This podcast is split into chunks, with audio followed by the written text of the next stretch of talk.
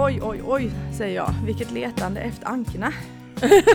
det var väldigt spännande. Ah. Och grejen är så här att, att Lisa kom ihåg igår att, att eh, ja, men jag kommer ihåg att jag ringde min farmor eh, för att hon fyllde år. Eh, och det var i juni jag, och både jag och Sara bara nej nej nej det är klart att det inte var i juni, så tidigt var det inte. Och sen, jag var ju tvungen att då skicka ett ursäktande sms i morse om att det var ju i juni. Så var det med det. Ja, och sen, alltså jag fattar egentligen inte heller hur jag lyckas hitta detta, för jag menar det måste vara, eh, det är ju väldigt många timmar av inspelade filer. Mm. Eh, Ja. ja. men eh, så, så de, på något vis ville de väl hittas i alla fall. Ja, fast de, ja, de kanske ville spöka lite. Ja, Jag jag Men där, den fanns ju verkligen inte nedskriven någonstans här och då undrar man ju om det finns fler saker som har försvunnit på det sättet. Eh, ja men, det, Men, det, eh, det häftiga med den är ju att den verkar ju, det verkar ju inte bara vara mig den har fastnat hos. Alltså du nämnde att någon annan prat, återkom till Mm. den där hela tiden och sådär. Mm. Så det, den är lite spännande. Eh, men jag tänker Ja, att, den, den är också väldigt grundläggande. Alltså den, den här schemat, eller vi kanske ska spela upp den först, men den, den schematiska bilden som beskrivs av ankorna eh, den förekommer i fler sammanhang. Jag vet att eh, katten Sander hade en liknande bild. Mm. Och hästen Sander som är intresserad av samma ämne har också haft en liknande bild. Att den dyker upp ibland så att jag tror att den är ganska eh, på något sätt ganska basic och då var det ju spännande att du hittade den från ett mänskligt håll också. Ja precis, det, det, jag har faktiskt också tagit fram den då så vi kan eh, Mm. för, det, för det är klart att det skiljer sig lite och sådär men vi, det kan vara spännande att dela detta och så får vi se vad vi, vad vi är med Mm. det. Och nu får ni då ursäkta för nu är det här inspelning från bara en mobiltelefoninspelning som vi sen försöker spela upp i datorn och fånga på den här mikrofonen och så vidare. Men jag ska försöka redigera det så det går att höra i alla fall sen. Eh, Annars blir det ju ännu intressantare. ja precis. Men eh, du får vara tyst lite då. Ja, jag, jag kan verkligen försöka i alla fall. Du kan faktiskt mu- muta till micken, det ska jag också göra. Nej, det, jag kan ju inte muta min mick, då, då hör vi verkligen inte. Ja. Hur, ska jag, hur gör man det då? Det är den där röda knappen på framsidan på micken. Jag ska trycka på den. Ja. Jag trycker på den nu. Gör det, och så sätter jag igång detta.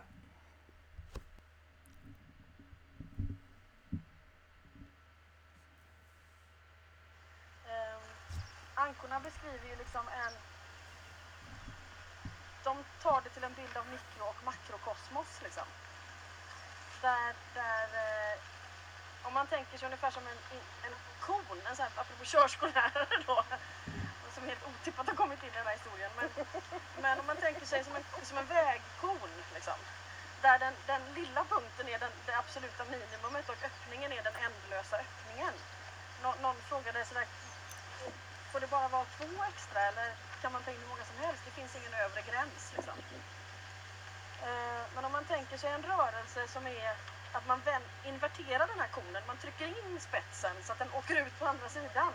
Och så tänker man sig att den här inverterade rörelsen går fram och tillbaka på samma gång. Det är rörelsen mellan mikro och makrokosmos så som ankorna upplever det. Och enda sättet att ta in den bilden och förkroppsliga den är att man släpper taget till 100%. Så att den sista övningen består alltså i att man letar upp sig en anka. De är drygt 20 stycken. Eh, med den här utgångspunkten. Att jag, jag, jag letar efter, eh, efter en kon. Jag letar efter två motsatta punkter som konstant löser upp sig i förhållande till varandra. Det är förkroppsligandet av den lilla tauboken. Om ni inte förstår övningen, då är det helt korrekt. Ja, Nu är jag med igen. jag den där sista meningen, den gäller ju för ganska många övningar. det är så bra för du säger det så sakligt med. Ja, Ja. om ni inte förstår övningen, då är det helt korrekt. Jag försöker att vara seriös. Ja, det är bra.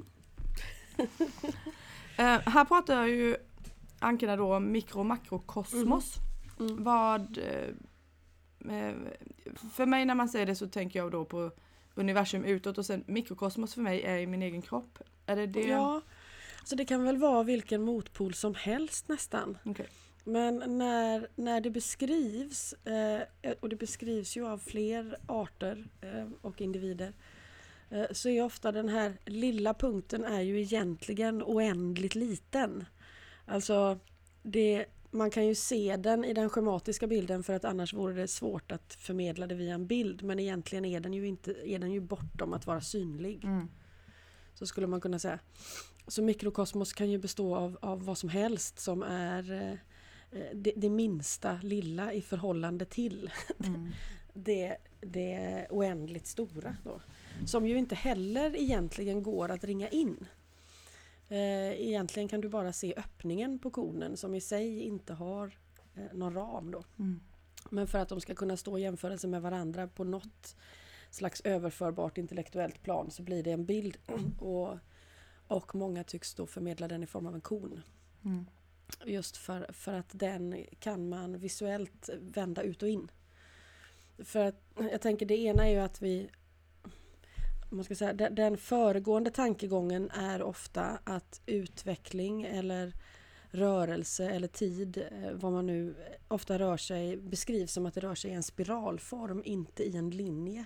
Mm. Eh, och, och, då, och då kan man ju se den här spiralen men då, då har de ju också då gjort bilden av spiralen inte till en, till en symmetrisk spiral utan en som rör sig i en konform. Mm. Eh, alltså från en liten till en stor. Och då tänker man eh, men också från en stor till en liten på, sam, på exakt samma gång. Mm. Eh, så att man behöver, och det är där abstraktionen kommer in i bilden då. och att, att de här rör sig i och ur varandra exakt samtidigt. Mm. Eh, och det, med vår eh, linjära hjärna så kan ju vi bara egentligen följa en rörelseriktning åt gången om vi ska vara helt ärliga. Mm. Resten måste vi på något sätt föreställa oss att vi ser. Men, men, mm. Men just det där att, att spiralerna faller i varandra samtidigt. Mm. Det eh, som en slags eh, grundläggande livsrörelse. Liksom. Eh, det, det förekommer. Mm. Alltså Susanna Davidsson som är med på kursen och som jag har poddat med och eh, du gör mycket saker med med. Mm. Hon brukar säga när hon eh, coachar att vi, har, vi behöver bilder av saker och ting. Och, eh, och så målar hon upp en form av streckgubbe över sinnet. Mm. För att det är någonting som man eh, normalt sett då inte kan man har ingen bild av det, så då bara bestämmer man sig för att det här är bilden. Mm. och sen kan man lättare prata om det. Eh, och den, den, den här bilden som ankorna ger, och i din beskrivning av det mer då som en film och, och vad heter det, spiralen och att det går in och ur varandra. Att, eh, för mig så blir det egentligen den där ögonblicksbilden av, precis som du säger, det här, det här är liksom Tauboken Mm. i en bild eller, Ja, eller det är Och- eh, och i- det där vi säger med paradoxerna hela tiden. ja. Att, att, eller inte paradoxer kanske, men motsatspunkterna som hela tiden finns. Och där, där varför man inte kan säga att något är bra eller dåligt för att eh, båda sidor av myntet finns alltid med. Ja, och de är alltid rörliga. Mm. Och de är alltid rörliga eller endast möjliga att uppfatta i förhållande till varandra. Mm. Så därför blir det väldigt svårt att döma den rörelsen ur ett större perspektiv då. Mm. Eftersom den, den är aldrig kvar så länge att det skulle vara möjligt. Mm. Och då, då tänker jag att eh, då är ju inte den här övningen så dum egentligen. Alltså man hittar sig en anka. det är en mycket rimligare väg till den upplevelsen än att eh, hitta den i sitt förstånd Mm. såklart. Mm. Så att kan man dela den upplevelsen, eh, sen kommer den ju då att så fort den delas framstå på helt individuella vis. Mm. Eh, Från den punkten så försvinner ju den presenterade bilden till exempel, eller hur nu den här övningen har lagts fram. Eh, För att det måste ju också släppas Mm. såklart. Mm. Men att det är möjligt att erfara de, den här dubbla rörelsen mellan mikro och makrokosmos. Det är det. Mm. Eh, Men att begripa den skulle vara en, ett helt annat ballgame. ja, precis. Alltså jag kan ju säga att jag har ju inget minne av eh, själva att, att faktiskt göra övningen eller på något vis vad, vad som hände där för att jag tror att eh, liksom att bara höra övningen Ja. så är man liksom lost in space eh, på något vis. Okej, där, där, där föll försvann vi allihopa in i den andra konen. Ja, Den inverterade konen. tog med sig hela datorn. Nu ska, Ja. vi fånga upp den här tråden igen då. Eh, ehm, Jo, eh, du, det sista jag hörde från dig det var att du sa att, eh, att bara att höra övningen gör skillnad. Ja, ja Mm. precis. Ehm, Eller åtminstone skicka ut den i, i, på någon omloppsbana där som man inte riktigt har Mm. koll på. Ja, precis. Mm, eh, Så det är väldigt spännande. Men jag tänkte också att vi för fullständighetens skull skulle plocka fram den här artikeln. Eh, Ja, som mm. jag, som liksom när jag läste bara, ah det här är ju ankornas övning. Eh, Mm. Och för er som kan hitta det så är det forskning och framsteg från 26 september 2019. Och eh, det är en artikel om en man som heter Neil Turok. eh, Som är då forskare såklart. Han, han säger så här. Universum är enklare än vi tror. Hela universum kan beskrivas med fyra enkla tal och vi har redan svaret på vad mörk materia består av. Fysikern Neil Turok har valt en annan väg än de flesta för att lösa kosmos stora mysterie, men han vet att han kan ha fel. Eh, Det är en bra. det, det är det verkligen. Men det är också, det är ju, ehm, och han är då på Waterloo Institute, eh, Perimeter Institute i Waterloo i Toronto i Kanada och forskar på detta. Och har då eh, den här, den här exakta bilden av två koner eh, eh, som, som möts i mitten där och då, då menar han att den ena konen är universum, den andra är ett anti-universum. Mm. Så det är två relaterade universum. Eh, och att de kanske uppstår ur ett fält. De är relaterade till varandra med samma symmetri som partikel och antipartikel. Och så är det lite alla möjliga grejer då. Och det står någonting där också om att, att i, i skapelsen blir det alltid två. Alltså det, det, det blir alltid en motpol. Ja, precis. Precis. Mm. Ehm, och ja, och, och jag, jag fattar ju inte hälften av detta. Men, eh, Nej, det gör inte jag heller.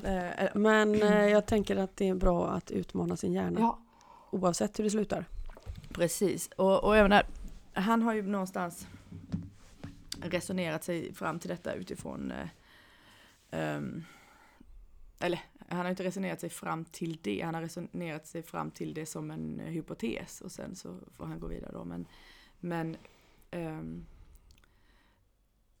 det, det som jag tänker ibland, om vi ska ta den här diskussionen, jag, jag vet inte, jag tänker att för, för min horisont så tror jag jag har svårt att fortsätta diskutera universum här nu. Ehm, Mm. så, men, men jag tror inte vi kommer längre än det som Ankerna Mm. och Neil då har målat upp. Men, men, men du får gärna, om, om du kommer längre där får du jättegärna göra det.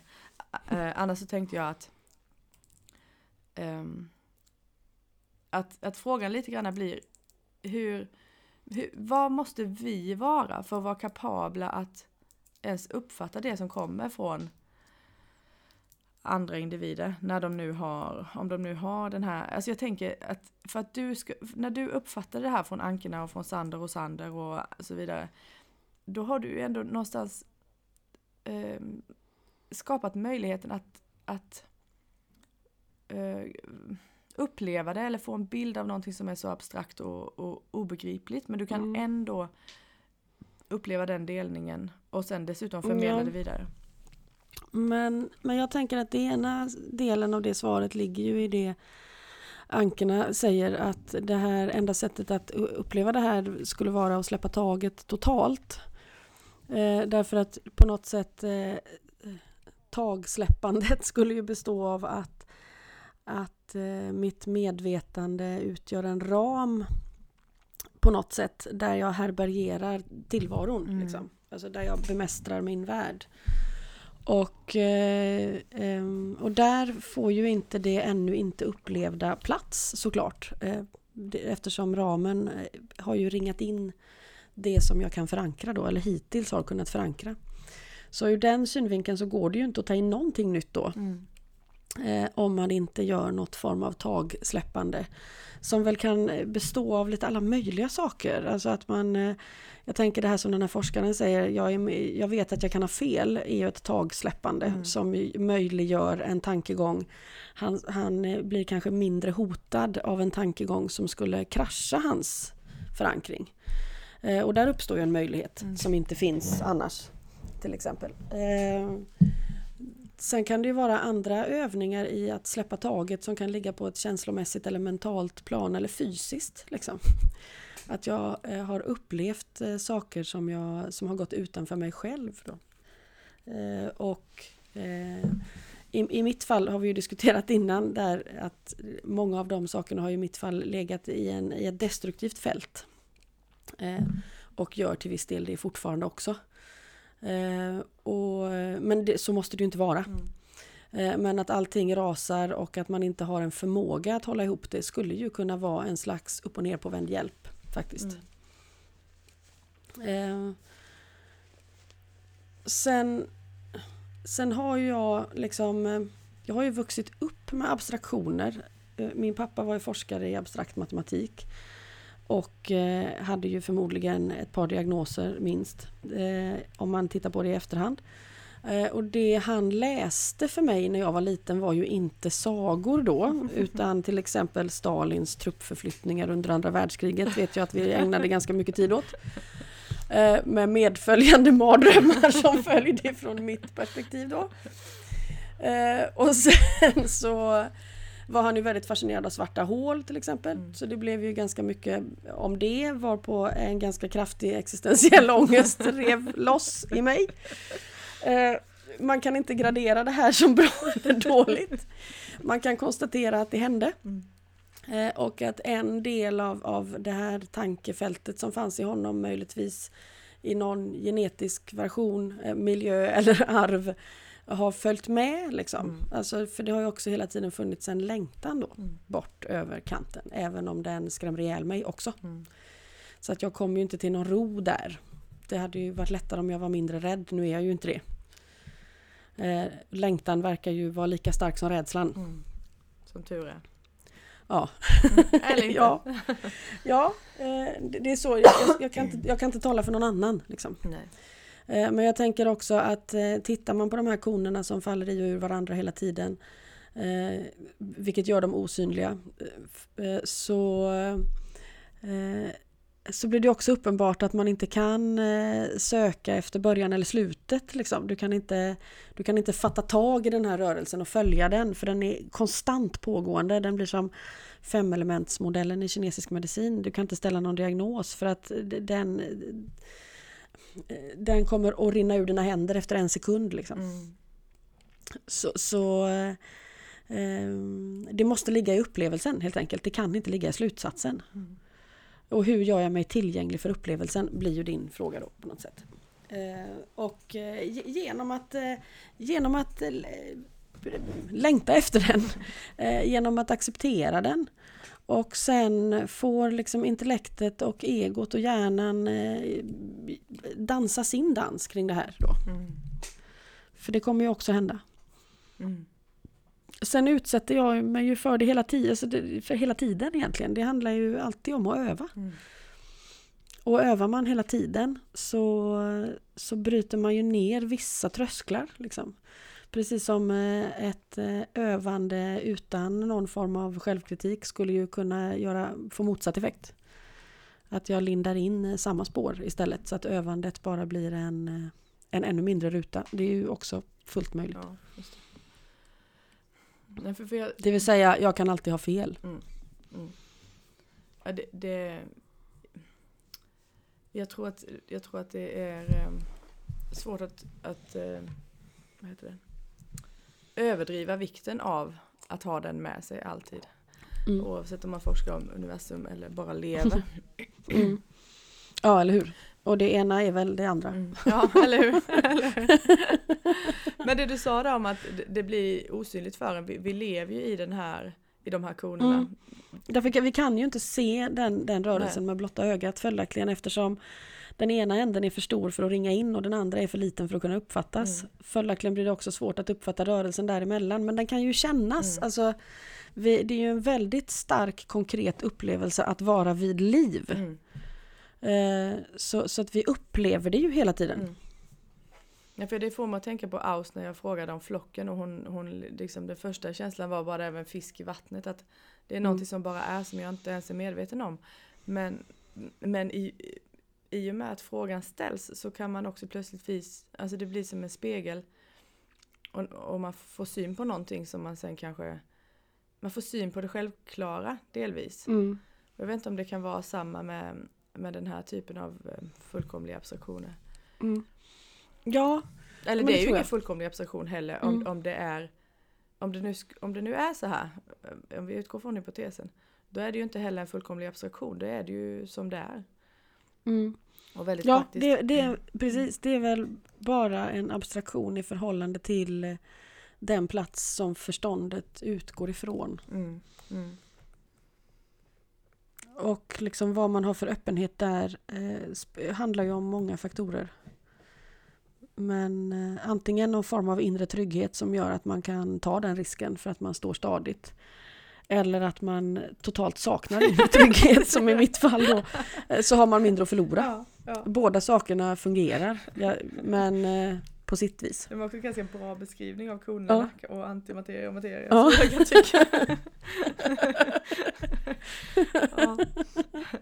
Och, och, och det, i och med att det är koner som går in och ur varandra så, så förstår man ju också, nu, eller, så skulle det också kunna vara så att eh, oavsett var man befinner sig på de här spektren mot fullständig, em, eh, fullständig trygghet eller fullständig otrygghet så, Mm. så, så det, menar, det spelar ingen roll var man är där utan Nej, det följer nej, med gör in och ut inte. i alla fall. det, det är ju bara en dörr liksom. Mm, mm, En tillfällig dörr mm, också. mm, ja, exakt. Som rör sig hela tiden. Mm. Ehm, jag funderar lite över, över alla de här mötena med andra individer och andra Mm. arter. Och om vi ibland...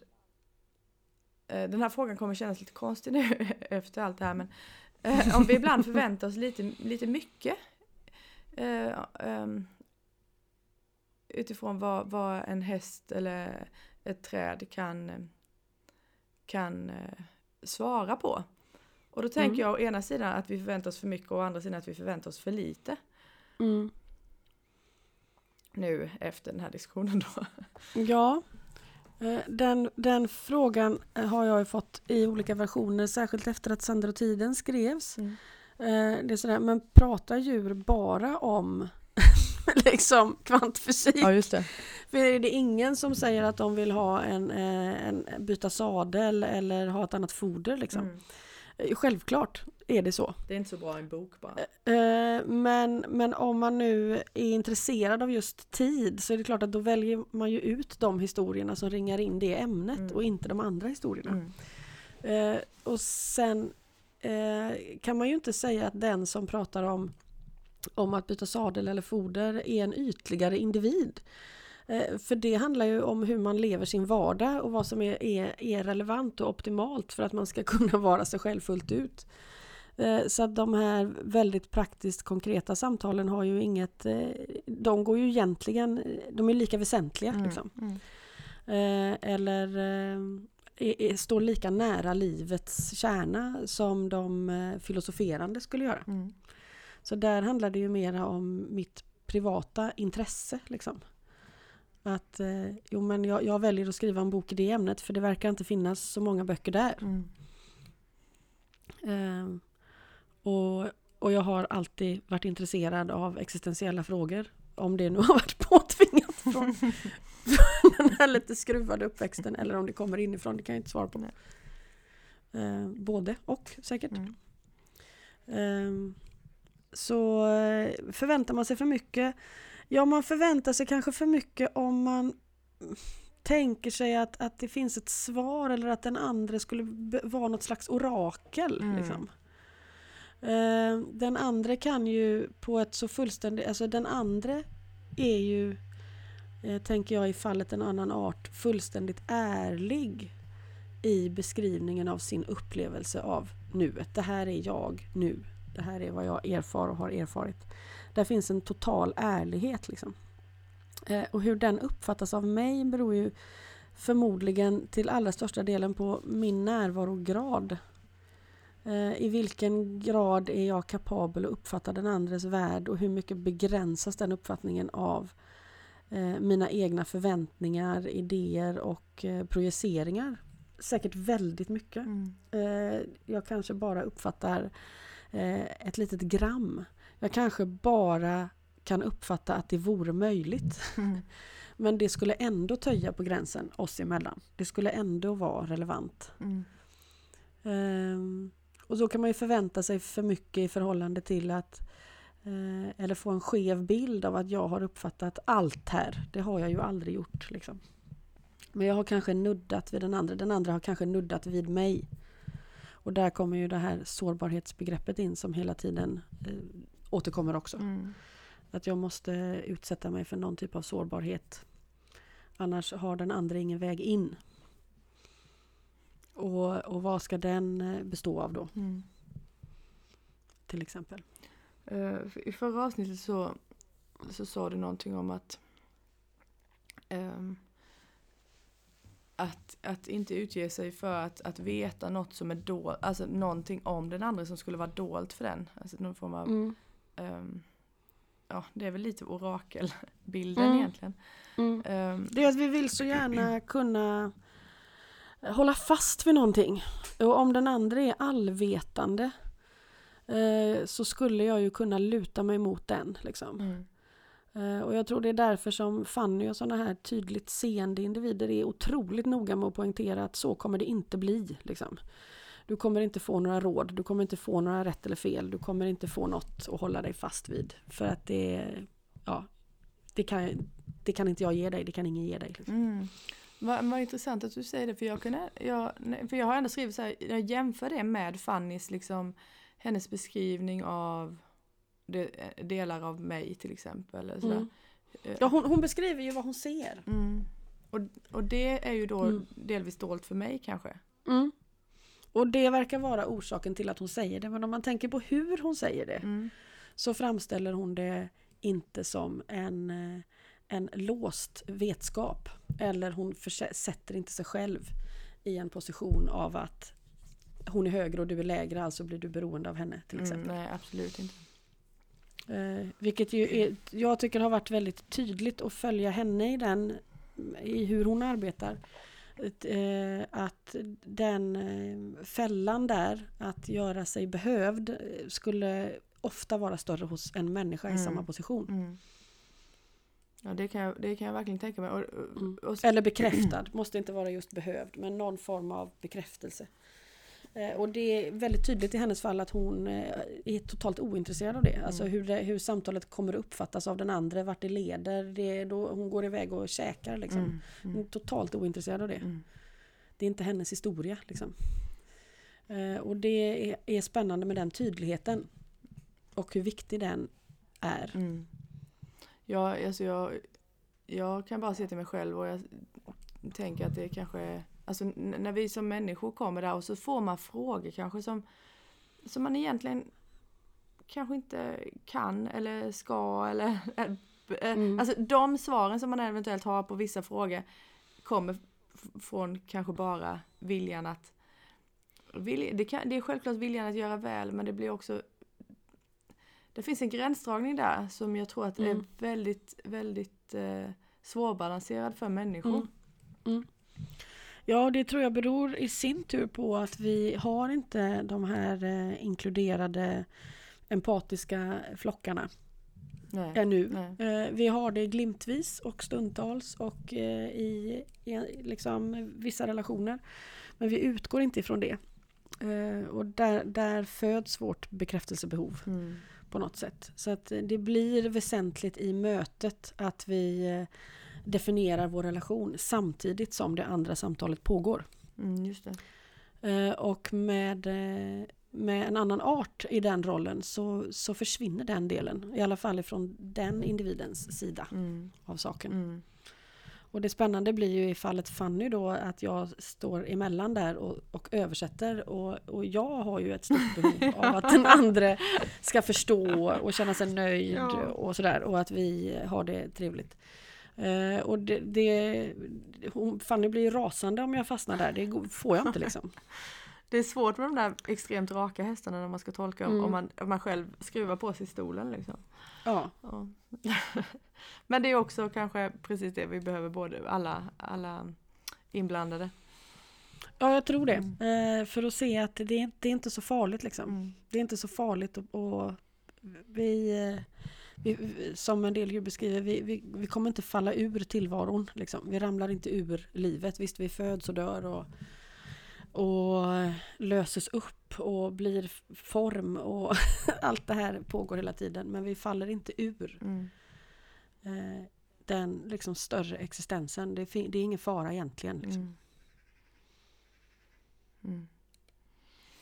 Ehm, jag, jag, jag skulle på något vis vilja, alltså det, det här, det, den här bilden vi har med, med konerna ehm, och spiralerna som går in och ut, det är ju en väldigt stor bild. Uppenbar. På något vis så, så är det väl tänkt att den beskriver allt. Ehm, Mm. och, och då har vi på något vis ehm, vidgat perspektiven så långt så långt det går. Mm. Svårt att säga då men, eh, men det skulle vara intressant att ställa det i förhållande till ehm, ja, men till exempel det du pratar om, om, om otryggheten eller, eller bristen på tillit eh, eller att man är orolig. Alltså, eller kanske som det mer traditionellt uttrycks, människans lidande. Mm. Eh, vad... Ehm, när jag ställer sådana här frågor så hör jag att jag, jag, jag är liksom ute efter ett svar men, men jag tänker att det kanske är så att, eh, ja, kan vi prata lite om, om, om, om att en, en sån här bild och upplevelsen av livet så. Eh, om det kan ehm, om det kan hjälpa till med det där och om det ens spelar någon roll att någonting hjälper till med människans lidande eller inte. Ja, alltså vad det gäller om det spelar roll med lidandet så verkar ju väldigt många av de man möter i andra arter vara väldigt överens om att, att eh, en värld utan, eller ett, en livstid utan någon form av upplevd smärta är kanske inte möjlig och inte ens eftersträvan, eftersträvansvärd. Alltså att smärta kan vi inte trolla bort och enligt många borde vi heller inte trolla bort. Även om vi i andra änden inte ska ge den ett egenvärde. Mm. Men lidande som inte liksom hade behövt, alltså som inte är nödvändigt. Jag måste inte slå dig på käften så jag kan avstå från att göra det. Eh, där verkar det finnas liksom eh, en väldigt stor vinst i att inte, att inte skapa onödigt lidande för sig själv och andra. Eh, så så det, det, det finns en relevans i att, att möta lidande och att också på något sätt definiera en skillnad mellan smärta och lidande. Mm. Ehm, Så att man inte tänker sig att om vi möter eh, lidandet och eh, liksom på något sätt hittar en annan eh, verklighet så kommer vi inte att leva smärtfritt. Eh, det, det, är inte, det finns inte ett mål i det om man utgår ifrån andra arter. Eh, och sen tänker jag att i det här släppögonblicket som ankerna beskriver, alltså när jag överlämnar mig till det här som jag ännu inte kan bemästra eller härbärgera så vet vi att det finns mycket anspänning innan eh, och allt lever rövare då. Känslor, tankar, eh, ja, varför gör jag det här? Bla, bla, ja. Jag kan ju stå hemma och steka pannkakor, jag är en idiot liksom. Eh, men så eh, när, när man har tagit det steget och det större perspektivet som man då erfar är ju eh, det är helt obetalbar upplevelse. Den går ju inte att, att jämföra med någonting. Mm. Liksom. Mm. Och att det sen fortsätter när jag, när jag återvänder ifrån det stora tillbaka till det lilla Eh, så kommer jag återigen att erfara lidande eh, och eh, jag kommer ranta runt i mina mönster men det kommer att vara på ett lite annat sätt. Jag vet, Fanny brukar beskriva det som att för varje gång så har man liksom putsat rutan lite till. Det är en lite högre transparens, det är en lite mindre täthet. Hon beskriver att tätheten, alltså intensiteten kan upplevas som ett lidande medan varje gång du har avidentifierat dig i någon grad, även om det är i en sekund, men att det har hänt överhuvudtaget eh, gör att det, det kommer in mer luft i systemet. Mm. Eh, Och där minskar lidandet. Och där minskar möjligtvis också andra känslor som vi vill ha. eh, I form av liksom en passionerad intensitet till exempel. Den, den får då bytas ut mot den eh, höga närvarograden som uppstår. Alltså jag tänker att hög närvarograd och intensitet är inte nödvändigtvis samma sak men vi tror det när vi inte har- upplevt båda och kan jämföra dem med varandra. Ja. Eh, Och då skulle en mycket mer destruktiv intensitet kunna uppfattas som att det är bara här jag känner mig levande till exempel. Mm. Eh, och, men, men så är det inte. Eh, utan jag skulle kunna, kunna kliva ur den intensiteten och uppleva någonting större och mycket glesare. Eh, men där graden av eh, liksom, intimitet till livet eller skaparen, skapelsen eh, skulle, skulle, skulle bli så ofantligt mycket mer relevant eller levande i förhållande till det andra. Då. Mm. Men det vet jag ju inte fram tills att det har hänt. Nej. Och det där skulle kunna uppstå medan du steker pannkakor tänker jag. Ja absolut, Mm. så att jag, får, jag får gå tillbaka till att fortsätta steka pannkakorna. Mm. Naturligtvis. Mm. Mm. Och inte tro att jag hittar det någon annanstans. Bara för att jag måste gå därifrån en stund. Ja, ja, nej, ja precis. precis. Um, det är många, tänker jag, som, som frågar kring, och det kom upp också på kursen mycket, eh, kanske dels eftersom vi har de här diskussionerna med flocken och roller och sådär, att, att hitta sin roll, att hitta sin väg, att följa sin natur. Ehm, och, och jag vet att vi har varit inne på det tidigare när jag eh, delvis skiljer och delvis plockar ihop de här två bilderna av att av att ja, men, å ena sidan är vi ingenting eller ett speck in the universe Mm. och å andra sidan har vi de här eh, väldigt eh, förgängliga offentliga rollerna då. Mm. Ehm, och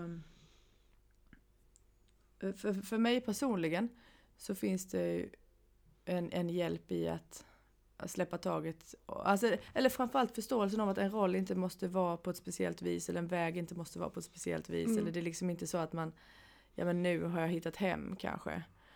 Nej det har du ju bara gjort i den sekunden. Ja precis. Eh, och det har ju en relevans för då vet du att, vad det är. Mm. Eh, men, men det är ju ett rullband man går på. Mm. Liksom.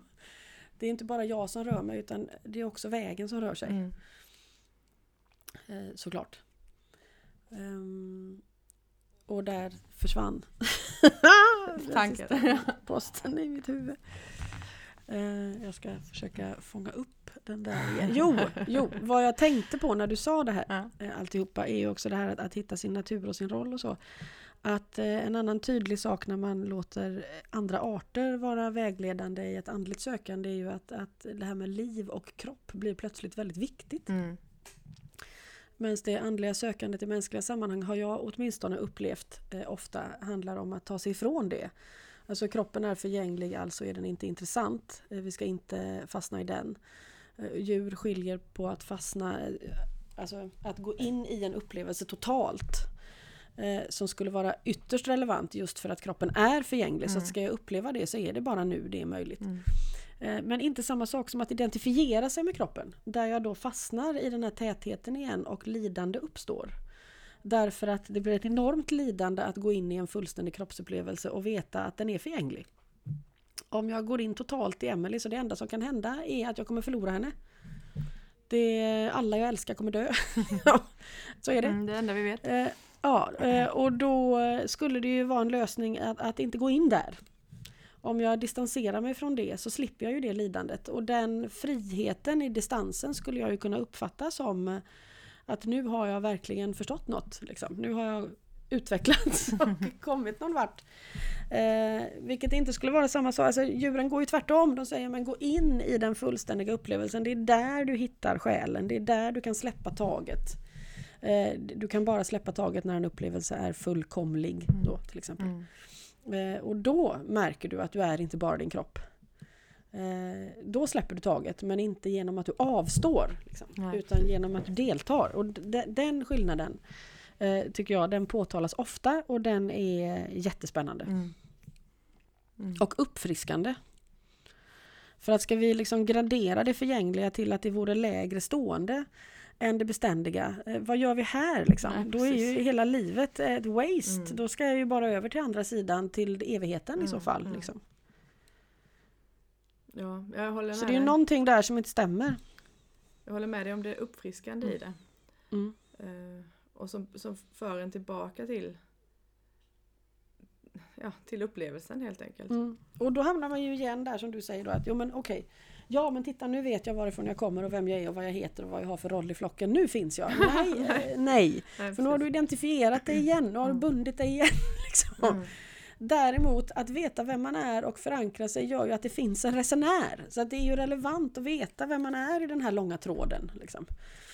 Eh, och vem, vem är Emily i historien? Det, det är relevant så länge jag inte fastnar i en identifikation. Mm. Mm. Och den risken är ju överhängande i varenda sekund. För jag kommer ju, det är det där att medvetandet är ju som ett läskpapper liksom. Jag kommer ju försöka fastna i allt som passerar. Så kommer det vara. Ja, och, och, ja, ja, alltså det är så, det jag tycker då att den här, den här idén om att alltså det, det är bara tillbaka och upplev liksom att, att kanske det är klart att vi kommer växla mellan att ha de här långa perspektiven och vad ska jag göra med mitt liv och bla bla bla. Mm. Eh, men men om, vi, om vi inte bara stannar i det utan också går in i att ja, men hur, vad upplever jag nu? Alltså, Mm. Och det kan ju vara verkligen medan man steker pannkakor eller bara blundar eller sitter i full galopp eller vad det nu är. Mm. Eh, men, men det är ju jävligt lätt att missa. Tänk om vi missar Mm. allt detta för att vi inte var där. Mm. Ja, och det, så kommer det ju vara. Alltså jag tänker att skulle man summera antalet upplevda missat. sekunder. Ja. Ja, så kommer ju kanske inte de att vara i flertal då. Eh, Men man kanske ska vända på det och vara glad om det har hänt överhuvudtaget då. Man kanske ska tänka så. Ja, man får nog göra det. Kristoffer Mm. frågade mig häromdagen, hur, hur många äpplen är det som är dåliga av dem vi har sparat? Ja det är Mm. rätt många men kolla så många vi faktiskt kan äta våra egna äpplen Ja. här i januari. Liksom. Det, är ju, Ja. fan, det är ju det man får vara glad Ja. för. Ja, eller hur? Mm. Mm. Och så är det liksom på't igen då hela tiden. Mm. Verkligen. ja. Och ibland så går det ju där av sig själv så är man liksom Man kan inte låta bli att vara på det igen. Och ibland, och ibland så lägger man sig under duntäcket i soffan liksom. Mm. Eh, I alla fall jag. Ja, och, och, men sen tänker jag också där eh, tillägg på din fråga med spelar det roll för lidandet, Mm. det här stora Mm. perspektivet? Jag tänker det gör ju det därför att Därför att min referensram ändras. Mm. Jag vet, jag vet för, första gången jag upplevde den här eh, inverterade rörelsen ihop med Anker var privat. Det var liksom för många, många år sedan. Och, och det gav mig en väldigt stark insikt om eh, vissa skeenden under min uppväxt. Mm. Som plötsligt blev väldigt tydliga när allting ramlade igenom vartannat. Mm. Tänker det är lite som att besöka en tidlös plats där, där det också är, där du på något sätt står mitt i det här röret. Liksom. Mm. Där allting bara susar förbi för att tiden har inget fäste. Liksom. Att när du återvänder ifrån en sån plats så har ju ditt perspektiv i alltså vad det gäller orsak och verkan till exempel har ju fått, en, eh, fått nya eh, kopplingar. Mm. Så att, att det abstrakta har en direkt påverkan på det konkreta det, ja, det tvivlar jag inte på alls. Nej. Nej det, det blir väl någon form av skillnad Mm. mellan navelskåderi eller att eh, Mm. se en större Och det är bild. identif- identifikationen igen. Ja absolut. Om jag fastnar i att jag är en som filosoferar eller det är så skönt att sitta där ute med det abstrakta så jag slipper att gå in i det här som jag kommer att känna och möjligtvis förlora. Då, Mm. Mm. då är det ju någonting annat. Men det där, de där, det där kommer ju alltid ligga vägg i vägg. Ofta är jag dessutom utan vägg så det är väldigt lätt att kliva över emellan. Ja. Mm. ja det, alltså den, den här bilden är så den är, den är så fascinerande och så lockande. Mhm. Eh, eh, vilket ju är spännande för man vill bara kliva in i den och så inser man att jag är ju redan där. Mhm.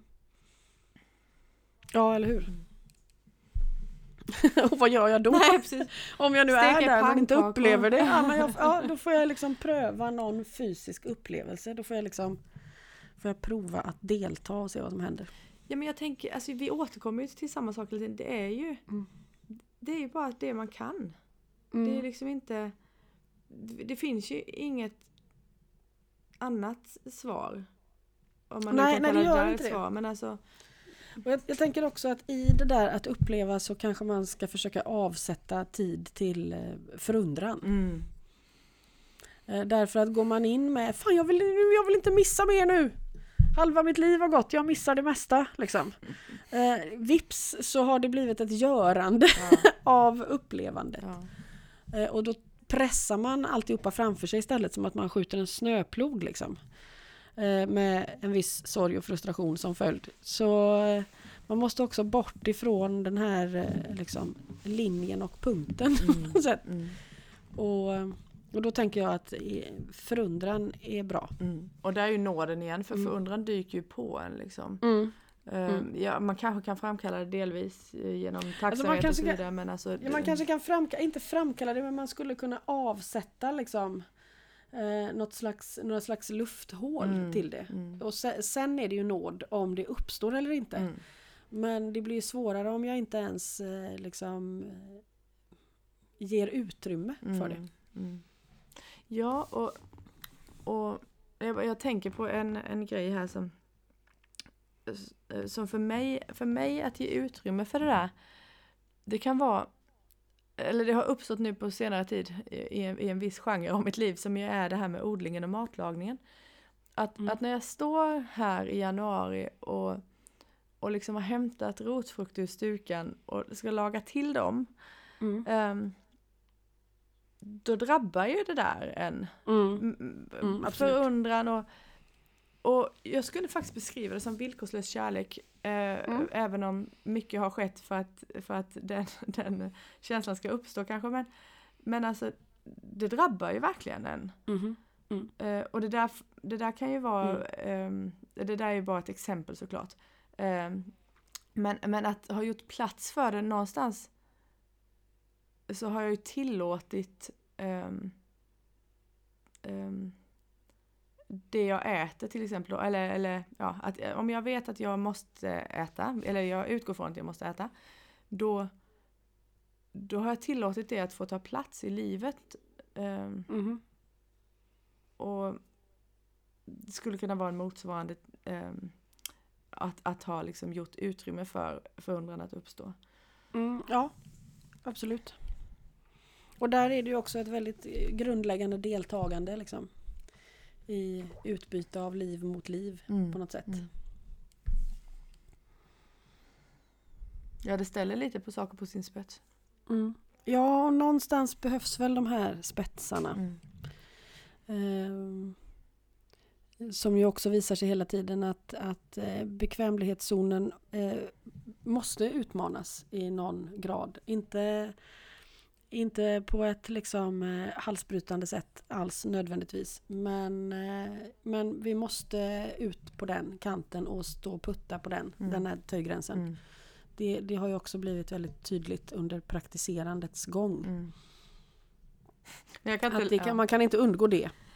Nej, och samtidigt kan jag inte låta bli att skratta när vi, när vi talar om eh, just ätandet som någonting som ställer Mm. saker och ting på sin spets. För jag menar, för, för väldigt många människor så gör det inte det. Det är bara något man gör. Mm.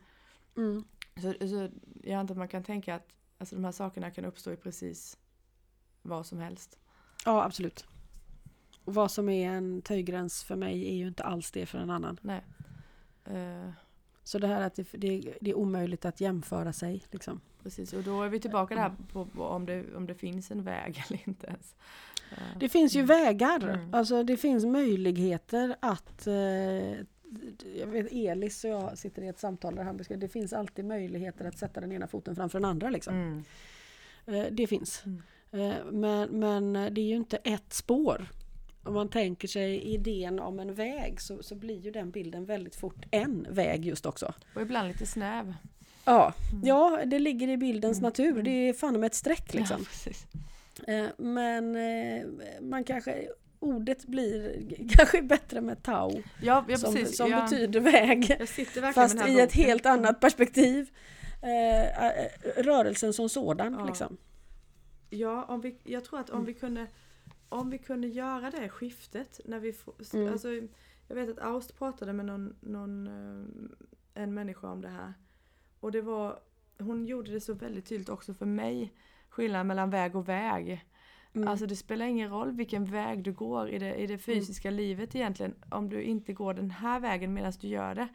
Mm. Ehm, jag kan inte Mm. uttrycka det så väl längre. Ja, jag, jag förstår. som när Mm. hon var med. Mm. Men eh, den, den insikten och den belysningen var, var eh, väldigt ehm, ja, tydlig när hon, när hon Mm. beskrev det. Och, Mm. och kanske, kanske också kan vara en hjälp i lidandet ibland. Att, eh, ja, det, det, vägar kan, man kan se ord på, vägar på olika sätt. Ja, absolut. Och eh, på samma sätt som att det blir väldigt skadligt att, att inte kunna vara sig själv. Så, så spelar det å andra sidan inte alls någon roll eh, var man befinner sig eller vad man har för yrke. eh, därför att alla vägar är vägen. Mm. Liksom.